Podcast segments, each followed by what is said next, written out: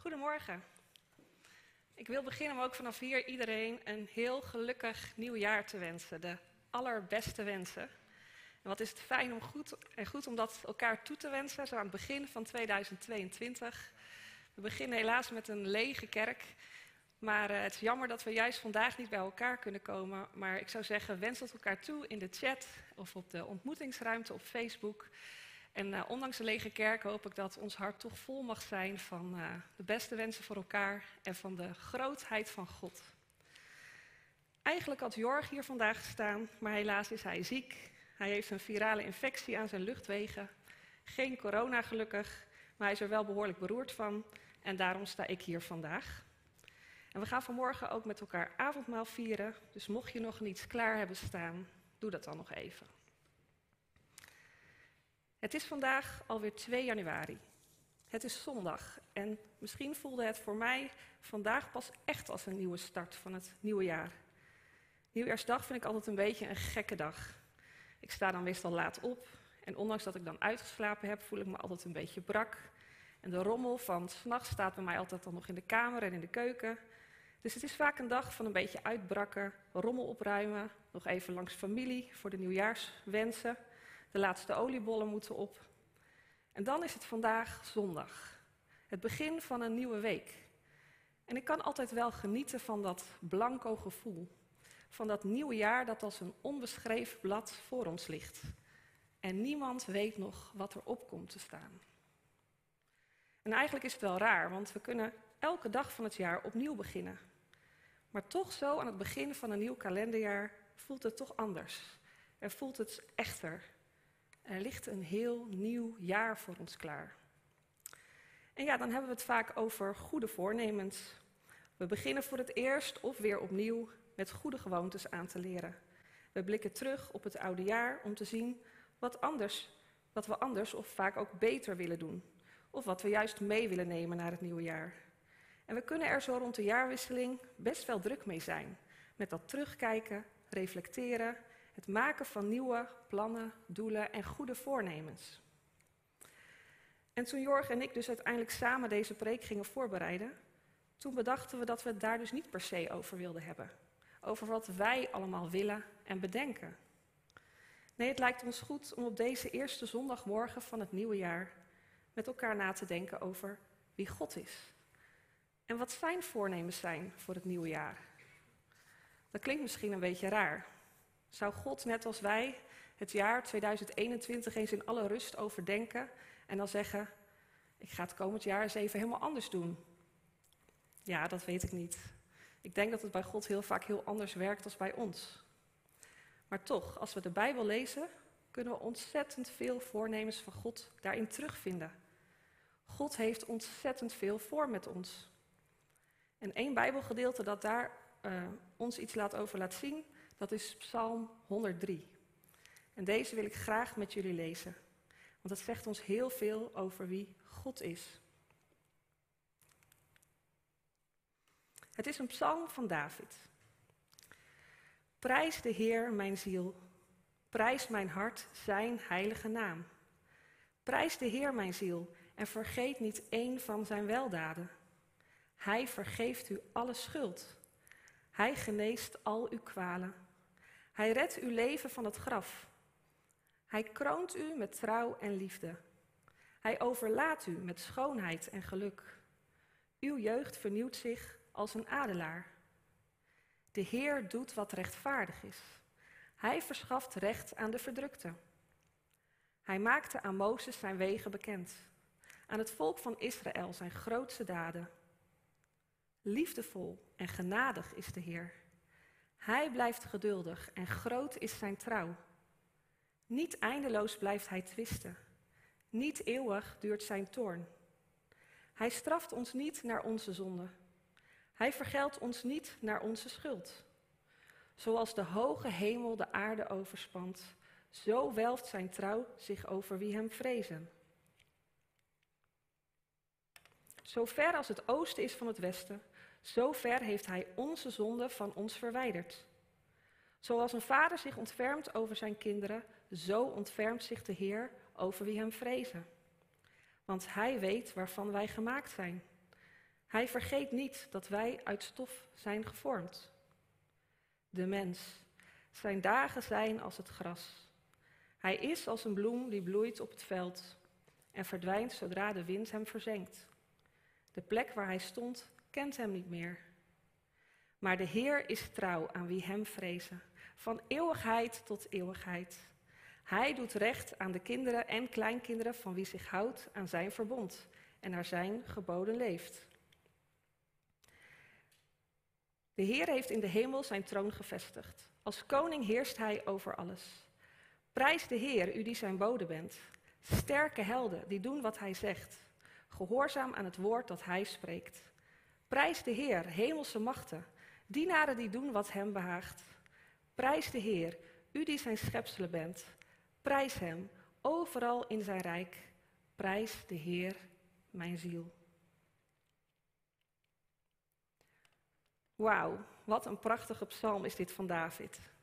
Wat een geweldige God hebben wij als we dit horen uit de mond van David. Laten we daar eens bij stilstaan. David roept ons op om terug te kijken.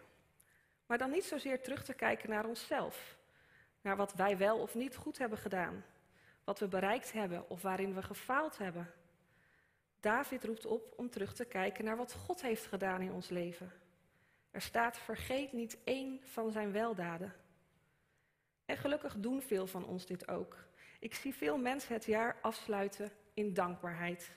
En dankbaarheid, het woord zegt het al, is dat we terugkijken op alles wat we niet aan onszelf te danken hebben, maar wat we dankzij God toch hebben mogen ontvangen. En vaak zelfs als de omstandigheden niet altijd zo rooskleurig waren. De mensen die mij een beetje kennen weten dat ik best wel actief ben op social media. En ik ben boven de 30, dus ik heb ook nog Facebook. En het leuke van Facebook is, is dat je je herinneringen kan zien. Van de datum van vandaag. Je kan dan zien wat je exact 1, 2 of 10 jaar geleden hebt gedaan op die dag. Tenminste, als je dat toen op Facebook hebt gedeeld. En ik gooi er ook wel eens wat hersenspinsels van mezelf op. Of een getuigenis van een moment waarin ik God dichtbij voelde. En zo las ik van de week nog een getuigenis van mezelf. Van vijf jaar geleden. We zaten toen in een moeilijke tijd. Maar juist toen merkte ik dat ik God heel dichtbij voelde.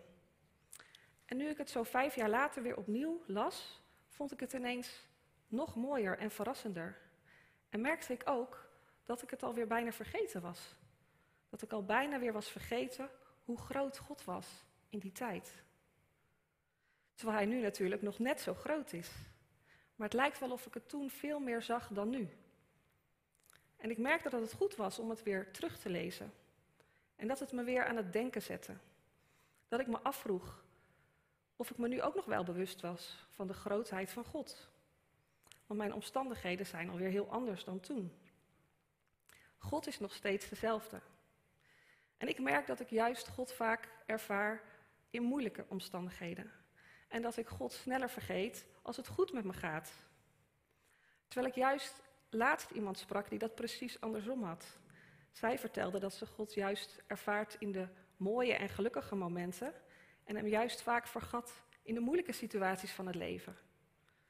En daar is geen goed of fout in. We zijn allemaal anders. Maar we zijn dus geneigd om Gods grote daden makkelijk weer te vergeten. Te vergeten door de drukte en de stress van alle dag, door de moeilijkheden of juist door ons geluk. Maar David wijst zichzelf en ons op de grootheid van God. En David stond het op. Hij zegt, hij vergeeft al uw schuld. Hij geneest al uw kwalen. Hij redt uw leven van het graf. David heeft het hier bewust of onbewust al over de grote daden van Jezus. Jezus die kwam om alles recht te zetten tussen ons en God. Jezus die onze zonde wegdoet, die ons geneest. Jezus die zelfs ons leven redt van het graf, omdat Hij de dood overwon. En dat weten we. En we vieren dat elk jaar met Pasen. En we hebben vorige week nog het wonder van kerst herdacht. Dat deze grote God als een hulpeloze baby naar de aarde kwam. Voor ons. Wat een grote daden. Misschien hebben we het al zo vaak gehoord dat het ons niet altijd meer zo raakt. Of misschien weten we niet zo goed wat we er vandaag mee kunnen. Wat betekent het voor een gewone eerste zondag in het nieuwe jaar? En wat betekent het morgen? Of heeft het alleen betekenis tijdens onze hoogte- en dieptepunten? God is elke dag hetzelfde en we lezen verder en daar staat, Hij overlaat u met schoonheid en geluk.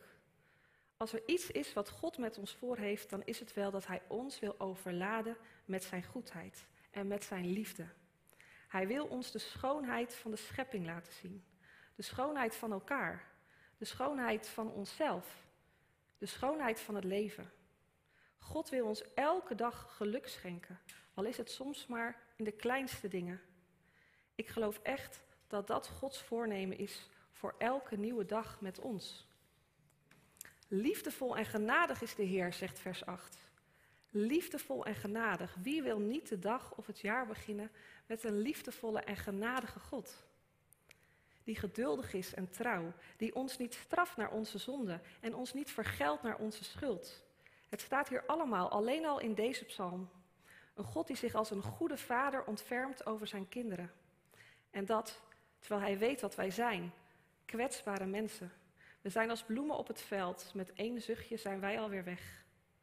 Maar God is een God van trouw, van eeuwigheid tot eeuwigheid. Worden jullie ook zo blij van het lezen van deze psalm? Dit is onze God. We zeggen het elke week hier zo in de kerk. Onze God is goed. Onze God is liefde. Onze God is hier. Misschien ben ik het gewoon zo gewoon gaan vinden dat ik het vandaag weer nodig heb om stil te staan bij de grootheid van God. Ik heb het nodig om terug te kijken, om niet een van zijn weldaden te vergeten. Ik heb het nodig omdat terugkijken op Gods grote daden mij kracht geeft voor vandaag. Kracht geeft om deze dag weer door te komen. Want vaak kunnen we gewoon niet verder kijken dan vandaag. Als we iets geleerd hebben van de afgelopen tijd, dan is het wel dat alles elke dag weer anders kan zijn. Wat vandaag kan, kan morgen misschien wel ineens niet meer. Hoe vaak hebben we onze plannen bij moeten stellen in het afgelopen jaar? Hoe vaak konden onze mooie planningen zo hup de prullenbak weer in? Wie durft er eigenlijk nog plannen te maken voor 2022? En ik merk soms dat ik ook wel een beetje moe word van al dat plannen. Heb je dit al geregeld voor volgende week? Als je dit over drie maanden wil doen, dan moet je nu al beginnen. En ik zeg soms wel eens tegen mensen: Sorry, ik ben nog even bij vandaag. Soms heeft de dag van vandaag al genoeg. Genoeg om te regelen en te plannen. En het is ook gewoon heel bijbels om met de dag te leven. En zoals Dennis het zei in zijn blessings van gisteren, het is soms zo mistig geworden om ons heen. We kunnen gewoon niet zo ver vooruit kijken. Maar het grappige is dat we dat eigenlijk nooit konden. Dat konden we ook niet in 2019. Al dachten we toen nog van wel. We waren er gewoon al een beetje gewend aan geraakt dat alles wat wij planden vaak ook gewoon door kon gaan. Maar ook toen was het leven eigenlijk net zo onzeker als nu. Want ook zonder een coronacrisis kan er elke dag zomaar iets gebeuren wat alles weer op zijn kop zet. Zowel in positieve als in negatieve zin. En als de omstandigheden zo onzeker zijn, dan gaan we ons vaak meer zorgen maken. We zijn experts in ons zorgen maken over onze planningen. Er moet altijd een plan B zijn, want we weten niet waar het heen gaat. Maar het maken van zorgen, dat doet nou precies het tegenovergestelde als het terugdenken aan Gods grote daden waar David het over heeft. En misschien heb je hem wel eens gehoord, het is een bekende quote. Je zorgen maken verandert niets aan de toekomst, maar het neemt wel de kracht weg voor vandaag. We schieten er niks mee op met het maken van zorgen. Zorgen voor morgen. We veranderen er helemaal niets mee. Maar het neemt wel de kracht weg voor vandaag. Terwijl als we denken aan Gods grote daden, dat juist kracht geeft voor vandaag. Voor het hier en nu. Als God het toen deed, dan kan Hij het nu ook weer. Het is dus een beetje als rijden in de mist. Met als enig helder beeld onze achteruitkijkspiegel. We kunnen niet verder kijken dan de dag van vandaag. Dat klinkt wel een beetje zwaar, vind je niet? Elke dag in een auto stappen, omgeven door dikke mist, klinkt best wel vermoeiend. Dat je elke keer meer, weer moet afwachten waar het heen gaat. Dat je steeds moet opletten of de weg niet ineens naar rechts gaat of naar links. Het klinkt niet echt als een ontspannen reis. Ik weet niet eens of ik elke dag weer op weg zou gaan als het leven er zo uit zou zien. En daarom denk ik dat het vandaag goed is om na het terugkijken niet te ver vooruit te kijken.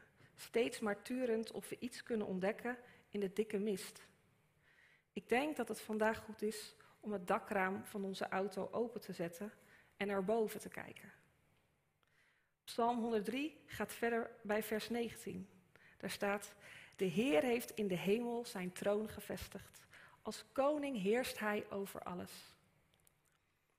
Ik geloof dat als we elke morgen naar boven kijken, dat we daar Jezus zien, die ons de weg wijst. Zijn geest die in ons wil komen en ons de weg wil wijzen. Die ons bij wil staan met zijn wijsheid en waarheid.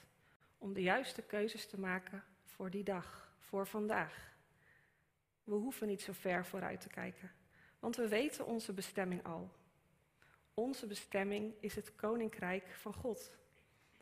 En terwijl we onderweg zijn daar naartoe, is het ook al gewoon hier, vandaag, gewoon op de plek waar we nu zijn. Want Jezus is hier. In onze auto, als we even in die metafoor blijven. Jezus zit naast ons en hij wijst de weg. En als het lijkt alsof hij er even niet is, kijk dan omhoog. Of kijk in je achteruitkijkspiegel en je zult zien, hij is overal. Hij is er ook in de dichte mist. Hij is er zelfs als het donker wordt. Zijn licht beschijnt jouw pad vandaag. We hoeven dus niet zoveel verder te kijken of de weg nou naar links gaat of naar rechts, omhoog of omlaag. Hij is erbij. En als Jezus, die zelfs de dood heeft overwonnen, bij ons is, waar zouden wij ons dan nog zorgen over maken? En dat maakt dat we toch elke dag weer vol vertrouwen op weg mogen gaan, aan de reis mogen beginnen. Hij is onze kracht voor vandaag, want Hij is zo ontzettend groot. Nou liep ik afgelopen tweede kerstdag te wandelen met mijn moeder en mijn zus. En we hadden het over van alles. Maar we hadden het ook over ons leven met God. En het was een mooi gesprek. Maar we merkten ook dat we soms met elkaar zo groot en uitgezoomd over het leven spreken. En dat het daardoor soms zo vaag blijft. Dat we veel wel weten, maar dat we heel vaak denken: oké, maar hoe dan? Hoe dan precies? Hoe kan ik dit concreet maken in mijn dagelijks leven? Wat kan ik ermee vandaag? Dus toen ik Psalm 103 aan het bestuderen was, dacht ik: ik wil het ook concreet maken. Wat kan ik ermee doen vandaag? Tja, en ik kon van alles bedenken. Bijvoorbeeld vaker de Bijbel lezen die vol staat met Gods grote daden. Of opschrijven wat God doet in mijn leven en dat dan af en toe teruglezen. Of getuigenissen van anderen lezen in boeken, tijdschriften of op social media. Of zelf een boek schrijven of een podcast opnemen. Of vaker een getuigenis op Facebook zetten misschien. Meer bidden, meer stille tijd houden, vroeger opstaan, meer reflecteren in de avond. Of, of, oh, ik werd echt zo moe van al deze gedachten. En jij misschien ook. Een echt ontspannen reis wordt het dan niet, denk ik. Nee, het kan makkelijker. Het mag makkelijker. Want God is een goede God en Hij wil ons overladen met Zijn liefde en Zijn goedheid. En ik dacht, misschien kunnen we beter gewoon elke dag naast ons bed gaan staan. En dat is soms al makkelijker gezegd dan gedaan. Maar laten we ochtends naast ons bed gaan staan en onze handen naar de hemel heffen en zeggen: Hoe groot bent u, mijn God? Ik weet zeker dat dat kracht geeft voor vandaag. Prijs de Heer, mijn ziel. Amen. Voordat we hierover gaan zingen, wilde ik toch nog iets anders doen. Ik herinnerde me een preesavond van misschien wel bijna twintig jaar geleden. Eén keer in de zoveel tijd was er bij ons in de kerk een preesavond voor de jeugd. Nou ja, iedereen was welkom, maar de doelgroep was de jeugd. En ik hou van zingen, dus ik ging daar graag naartoe. En Jorg zong ook mee in de preesband, dus hij stond dan op het podium en ik in de zaal. En ik kom uit een kerk waar het niet zo gewoon is om je handen in de lucht te steken, maar die avond voelde ik steeds meer het verlangen om met mijn hele lijf God te aanbidden. Maar ik voelde ook wat schroom, omdat mijn vrienden naast mij er maar een beetje bij zaten en niet eens gingen staan bij een lied. Wat natuurlijk prima is, maar het maakte dat ik niet zo goed durfde toe te geven aan mijn innerlijk verlangen om helemaal los te gaan voor God. Maar toen werd er een proclamatie uitgesproken die voor mij, bij, voor mij een doorbraak zorgde. Een proclamatie die ik nooit meer ben vergeten. Al wist ik niet precies meer wat er gezegd werd toen. Maar ik weet dat het een enorme indruk op mij maakte. En ik besefte meer dan ooit hoe groot onze God is. En ik wist nog wie destijds die proclamatie had voorgelezen. Dat was namelijk Jorg zijn tante. Dus op Oudejaarsdag heb ik haar een appje gestuurd en gevraagd of zij die proclamatie misschien nog ergens had. Of dat ze wist waar ik die kon vinden. En zij reageerde met ja, die heb ik altijd heel erg goed bewaard. Het was voor haar ook waardevol gebleven. En ze kwam met zelfs diezelfde dag nog langsbrengen op de fiets. En ik kwam erachter dat het een proclamatie is van predikant Samuel Lockeridge. En tijdens een conventie in Detroit in 1976 mocht hij maar vijf minuten spreken. Maar zijn proclamatie is de enige toespraak die de bezoekers is bijgebleven. En kort daarna is hij overleden. En misschien heb je hem wel eens gehoord. Hij is te vinden op YouTube. Misschien ook niet. Maar ik vind dit wel een mooi moment. Een mooie afsluiter van de preek. Of nou eigenlijk een mooi begin om 2022 mee te starten. Als we dit voor ogen houden, elke dag in heel 2022, dan weet ik zeker dat Zijn kracht verder reikt dan ons eigen leven. Dan gaat er een kracht van ons uit die in heel Vlaardingen en omstreken merkbaar zal zijn. En deze proclamatie, daar staat boven, mijn koning.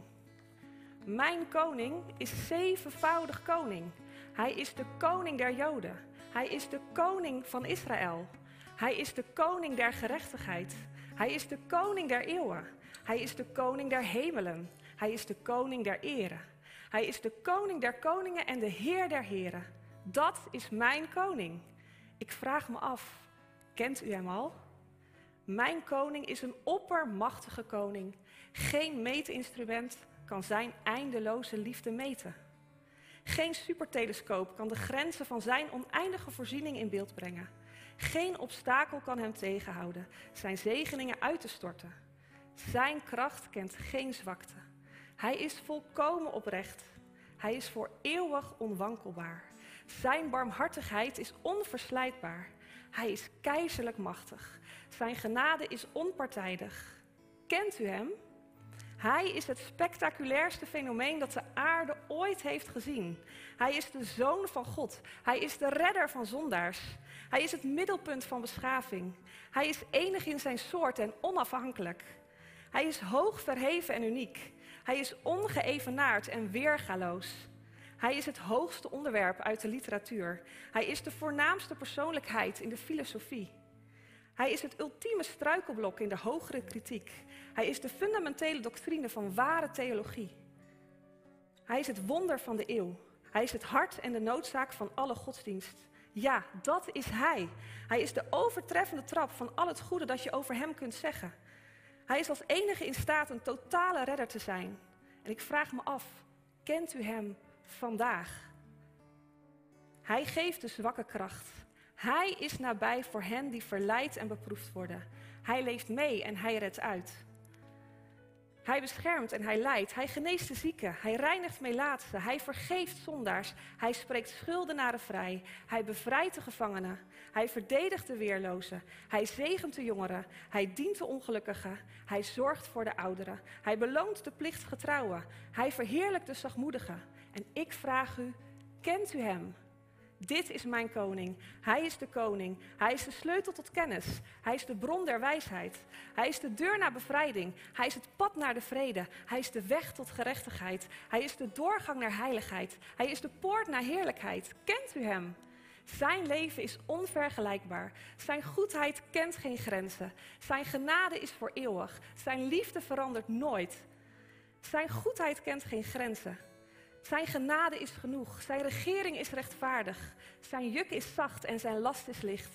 Ik zou willen dat ik hem kon beschrijven, maar hij is onbeschrijfelijk. Ja, ja, hij is onbeschrijfelijk. Ja, dat is hij. Hij is God. Hij is onbegrijpelijk. Hij is onoverwinnelijk. Hij is onweerstaanbaar. Je kunt hem niet uit je gedachten zetten. Je kunt hem niet van je afschudden. Je kunt hem niet overleven, maar je kunt ook niet zonder hem leven. De fariseeërs konden hem niet uitstaan, maar konden hem ook niet tegengaan. Pilatus kon geen fout in hem ontdekken. De getuigen konden niet tot overeenstemming komen. Herodes kon hem niet vermoorden, de dood kon hem niet grijpen en het graf kon hem niet vasthouden. Dat is mijn koning. Ja, dat is mijn koning. En van u is het koninkrijk en de kracht en de heerlijkheid voor eeuwig en eeuwig en eeuwig. Hoe lang is dat? Voor eeuwig en eeuwig. En aan het einde van alle eeuwigheden zeggen wij Amen. Heere God Almachtig. Amen. Amen.